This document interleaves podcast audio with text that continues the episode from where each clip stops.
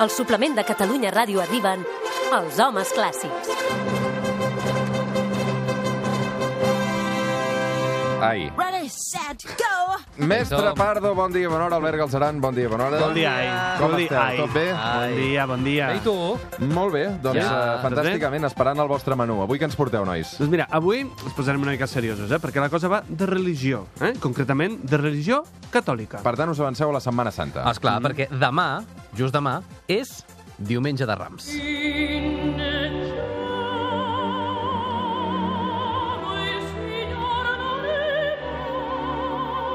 Maco, això, eh? M'encanta el Roger quan fa... Mm, perquè... Saps qui canta? Sons guturals, sí. um, doncs deu cantar l'Agnès Balsa. Carai, quina Molt bé, veu. sí. Quina vista Carai. tens, eh? No ho tinc apuntat al guió ni No, res, no, això. no, no.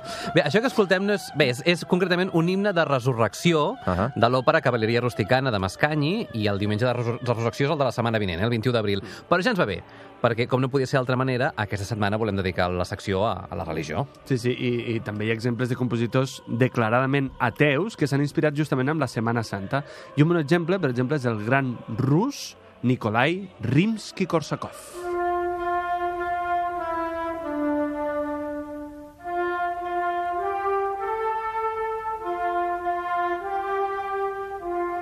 Arrenca o no? No, però... És Rússia, eh, és Rússia. Ben. Sí, però fixa't, jo ara estava pensant, sembla el típic cant eh, de missa, eh? Na, Sí. Sana Eh, bé, sí, espera, espera, que ara arrenca. Pues és ben bonic. Molt. Home, és que Rimsky Sí, Korsakov... sí. Aquesta, aquesta obra, que és un, la va titular Peça Brillant, eh? Realment és idoni per un programa de, de migdia, de, de cap de setmana. ben bé la banda sonora que buscàvem, eh? El to que Allà. volíem, no? El to, el to de programa que, que ens van, quan ens van fer l'encàrrec van dir Espera't. calla, posarem en Korsakov al No migdia et precipitis, no et precipitis, que, que hauràs d'agafar això aquestes serà la manera de revolucionar la ràdio dels Però és caps de que setmana. Hauràs d'agafar aquestes parauletes i... Només Ara, relaciono no et Korsakov precipitis. amb vodka, i no pot ser. Eh, No, no, no. no, no. De fet, a- aquesta obertura per concert també volia expressar, que és la va titular peça brillant, la va volia expressar l'explosió de la llum del final de l'hivern rus quan va cap a la primavera. Mm. Winter is coming, no? Ah, Exacte, No, al revés. Winter is... És living. Fixa't com passem de la foscor de l'hivern a la llum de la primavera. Ara m'agrada. Ara.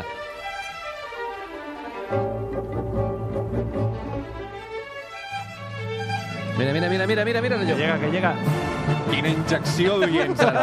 Ah, Quina injecció d'oients que Home, hem tingut escolta, amb escolta, aquesta escolta, peça. violins. La llum ha arribat al És que els, suplement. els músics russos tenen aquesta cosa, aquesta energia, eh, normalment. I tant, i tant. Però escolta, tornem a la Setmana Santa, eh? perquè demà, tornem a dir, eh? és diumenge de Rams, i els compositors clàssics han fet grans obres en referència a la Setmana Santa. I com no la passió de Crist, ha estat un tema capdalt en músics com, per exemple, Johann Sebastian Bach. Però no et precipitis, no anem tan ràpids que si ja anem cap a Bach, el Roger se'ns perd sense de bala. Bach va ser un geni del barroc i va compondre diverses passions, però els compositors posteriors es van dedicar a compondre misses, especialment els compositors del classicisme. I més endavant, els romàntics i postromàntics, la missa que va triomfar és una missa molt coneguda, la missa de difunts. Per tant, el Requiem.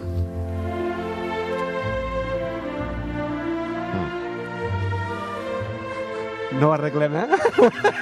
Això avui no, ho aixequem no ho més. haguem d'aixecar? Ara, el que no hi ha cap mena de dubte és que és música religiosa, Ho eh? és, ho és. El rèquiem més conegut, òbviament, és el de Mozart, però n'hi ha d'altres que són preciosos, eh? com aquest que sentim, que és el rèquiem de Gabriel A veure, Fauré. puja una mica. Molt bonic. El Pedro se'ls sap de memòria. Canta, canta, canta, perdó. No, que això és de tenors i en aquesta hora del matí no, no m'arriba la veu a, a tenor. Escolteu una cosa, els requiems eh, bàsicament són misses de difunts, no? Exacte, i els compositors generalment els dediquen a algú. És a dir, és una missa dedicada. Mm, en el cas de Fauré el va compondre a la memòria del seu pare. Exacte, però els compositors no sempre posen música a les mateixes parts eh, de la missa i cadascú enfatitza doncs, la part que més li interessa. Per exemple, ens imaginem que Foré va voler desitjar al seu pare i a la seva mare, que és a qui li dedica el seu rèquiem, el repòs etern al paradís, no? I per això el- l'últim número del seu rèquiem és aquest angelical És imparadíssim. preciós. Hi ha un organillo, no, aquí? La cabra. Ja no... A veure, puja, puja. Sí, però escolta aquestes veus angelicals, són àngels. Escolta, escolta. Jo només puc escoltar l'orga. Però no trobes molt bonic aquest imparadiso? Sí. No, és que no l'està escoltant. És, com, és banda sonora d'Interestel·lar, això? A veure, pots pujar-ho una mica més? El- el- L'orgue de fons sí que s'assembla una mica a l'Interestelar, és veritat, però l'Imperadíssim diria que no és, tal qual. Ara igual m'estic... eh? És preciós. És molt bonic. Mm. Altres compositors romàntics van escriure també misses de Rèquiem, eh? Fins i tot és el cas de compositors especialment coneguts per la seva obra operística. Ep, I això... anem cap a l'òpera? Sí, Perfecte. sí, sí, sí. I això es nota sobretot amb el tractament de les veus, eh? Ja veureu com Giuseppe Verdi va deixar-nos clavats a la butaca amb aquest impressionant Dies Irae.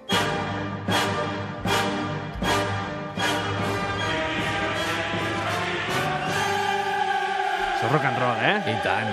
Puja, puja. Que tornem-hi.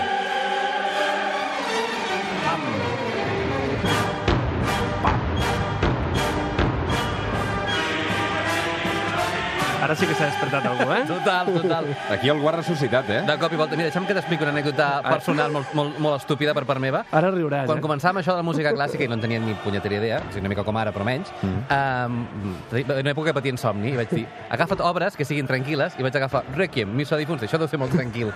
I em vaig ficar el Requiem per anar a dormir. I clar, quan va arribar aquesta peça, vaig saltar i vaig agafar la làmpada del sostre, i ja no vaig dormir tres dies. A- Això podria ser perfectament una òpera, no? Perfectament. De fet, el domini de l'orquestra i de les veus de Verdi és obvi en aquesta peça i podria ser perfectament una de les seves moltes òperes, eh? Perquè el que crea, eh, amb els seus efectes i amb els seus coneixements, és, evidentment, un gran efecte dramàtic. Aquesta impressió que em va fer, per exemple, a mi dur- com volia dormir i em va despertar, perquè això t'excita. Aquest Requiem a qui el van dedicar? No, no el va dedicar als seus pares, eh, No, Confort, eh? no. El va dedicar al seu compatriota Alessandro Manzoni, eh?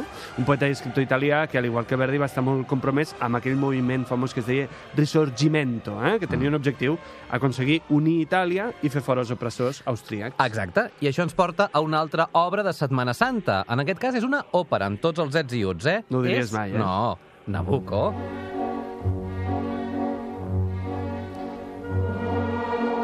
Canta, canta, Albert.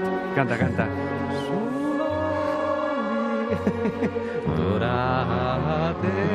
Durate... I et poso... Sí. Tu poses els greus, eh? Jo poso els El Ah. vas- ingressos. El subwoofer. Però va, això és un temazo al Però això té, Pensiero. això té alguna cosa a veure, això, amb Setmana Santa? no? Totalment. Sí, clar. Sí? A Verdi A veure, li, va. van, li van encarregar una òpera per la Quaresma de l'any 1842 i per això aquesta òpera necessàriament havia de tenir un contingut bíblic, eh? si no, no s'hauria pogut representar per aquelles dates. Eh? Exacte. I, de fet, això també té molt a veure amb el ressorgiment al que feia referència abans al Pedro, perquè Verdi era molt llest i en aquesta òpera ens parla del poble jueu vençut pels babilonis i als italians no els hi va costar gens entendre el símil que vivien a Milà en aquells temps. És a dir, els jueus eren els italians i els babilonis eren els austríacs que dominaven part del seu país. I per Clar, això i- Mm. quan sona la frase «O mia patria, si bé l'he perduta», la gent va entendre que allò parlava de la seva pàtria, la pàtria italiana. Exacte, i per això encara avui en dia aquest va pensiero és tot un himne de llibertat pels italians. De fet, jo diria que és el, el, el cor, la part coral més coneguda Sí. sí. de totes les òperes del món. És- És... Eh? Tu li dius una part coral a, a, al públic i diuen això... Va.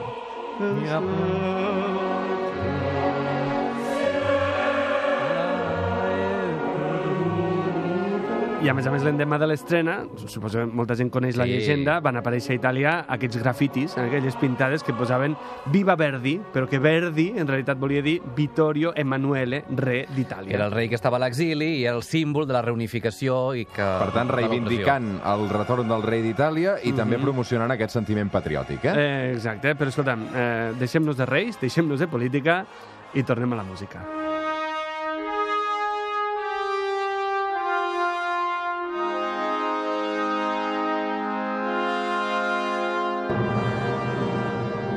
Què, Roger? Què diries que és això? Puc citar el teu fill, perdó?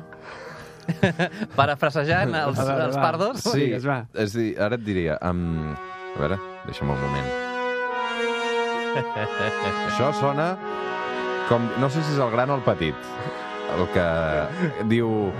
Sona dens, no deu ser Wagner, això. Sí, senyor, sí, senyor. Sí o no?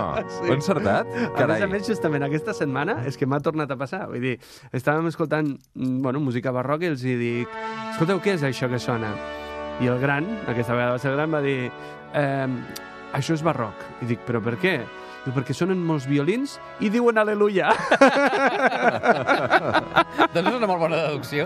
I tant. Sí, sí, però escolta, molt bé, és Wagner, eh? Sí, sí, Mm, t'estàs és Wagner. tornant tot un Correcte. expert, eh? Ell també va fer referència a la Setmana Santa amb la seva última òpera, que és Parsifal. Exacte. De fet, el tercer acte de l'òpera està situat, eh, la dra- l'acció, en un divendres sant, un moment de gran transcendència per la religió catòlica, i per això ens introdueix en aquest tercer acte amb un preludi orquestral de gran bellesa.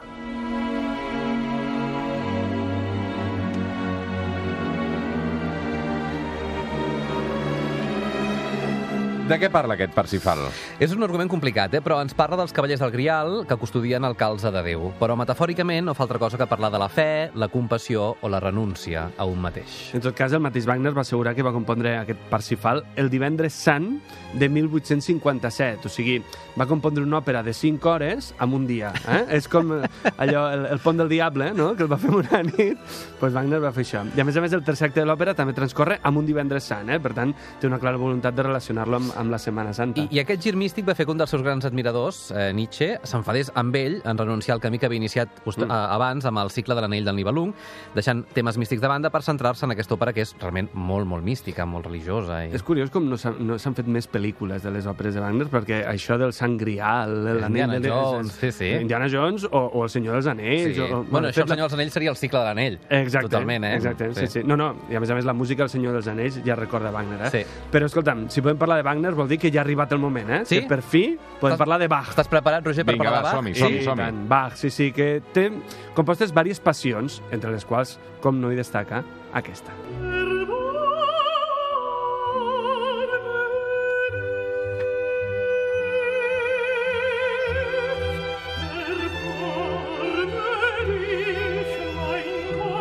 És una escena mm, preciosa, eh? Ara explicaré jo l'anècdota. Eh? Endavant. L'anècdota és que aquesta àrea ens la va demanar un director de cine per una pel·lícula que es, de, Mm-hmm. es va fer que es deia 13 dies d'octubre, que es va estrenar a TV3, sobre els últims dies de la vida de, de Lluís Companys. Eh? I el director volia justament aquesta, aquesta àrea Però pel diguem- moment... diguem- No hem dit què és encara, eh? Ah, no? Bueno, hem dit... És Bach. és Bach, és la passió segons Sant Mateu, la- l'àrea Arbarmedich. Um, la volia just pel moment en què Lluís Companys surt de la presó i se'n va a morir. I tot aquell camí que va caminant va sonant aquesta música que vam tenir el- el- l'oportunitat de poder gravar la banda sonora, no? I et crea una ansietat i un, i un malestar, justament, i en realitat aquí està passant, parlant de la passió de Crist. Clar. Per tant, té tot el sentit de Clar. la passió de Lluís Companys Totalment. en aquell moment, eh? Doncs aquesta, la història de la passió segons Sant Mateu de Bach és una, és una... no són molt clars, diguéssim. Però el que sí que està clar és que, malgrat avui dia tothom està d'acord que és una peça imprescindible en la història de la música clàssica, en la seva estrena no va tenir gens d'èxit. No, no. mm, Va punxar. Sí, Sí, sí. sí, sí va ser un fracàs, Tant pobre. és així que trigarien 100 anys eh, encara a editar-se la partitura i ho faria un tal Félix Mendelssohn, eh, un Mm. compositor romàntic, a Berlín, en reconèixer la gran qual qualitat d'aquesta passió segons Sant Mateu de Johann Sebastian Bach. De tota manera, avui en dia, Catalunya és terra de passions. Per tant, els Home, vols de Setmana ja sé Santa, què em diràs ara. Cervera, No, no, Cervera, Ulldecona i, sí. sobretot, Va. sobretot... Home, no, home, Esparreguera. eh? No, no. Esparreguera, No, no? no sé de què Esparreguera, parleu. eh? No sé Som què molt parleu. d'Esparreguera, aquí. No, Sí, no sé home, què dieu, no, i tant. no ho conec. I sobretot, òbviament, Olesa de Montserrat. Passant. Però quina, quina música més meravellosa. Com es nota que un dels Escolta'm, homes clàssics és d'Olesa? N'hi ha un de eh, Lleida. Una abraçada a la passió d'Esparreguera, que és la que la la resta de Cervera. l'equip del suplement també també combrega i també hi va sovint. Bueno, bueno, bueno. Um, avui deu haver-hi funció, no? Avui a la tarda sí que n'hi ha, Ah, sí senyor. Però escolta, tingueu present que generalment a les passions que es fan a Catalunya la música està composta expressament per a l'espectacle. Eh? I tant. O sigui, I en el cas de- d'Olesa també és així. Sí, a Olesa va ser Josep Maria Roma l'encarregat de fer-ho, amb una clara influència dels recursos wagnerians, com el leitmotiv, Eh? alhora que... Sí, sí, sí, sí, temes, vull dir, els temes s'associen als personatges, etc.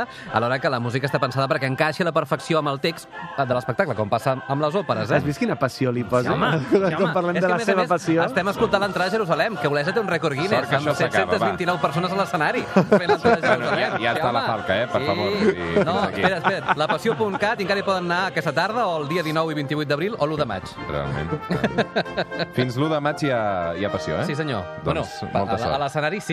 La resta de dies de l'any, fora. Va, vinga. Sort que això s'acaba. Gràcies. Homes clàssics d'avui a les 10... Demà, Demà a les deu, demà a les Demà, deu. Encara no Diumenge. m'ho he pres, tu.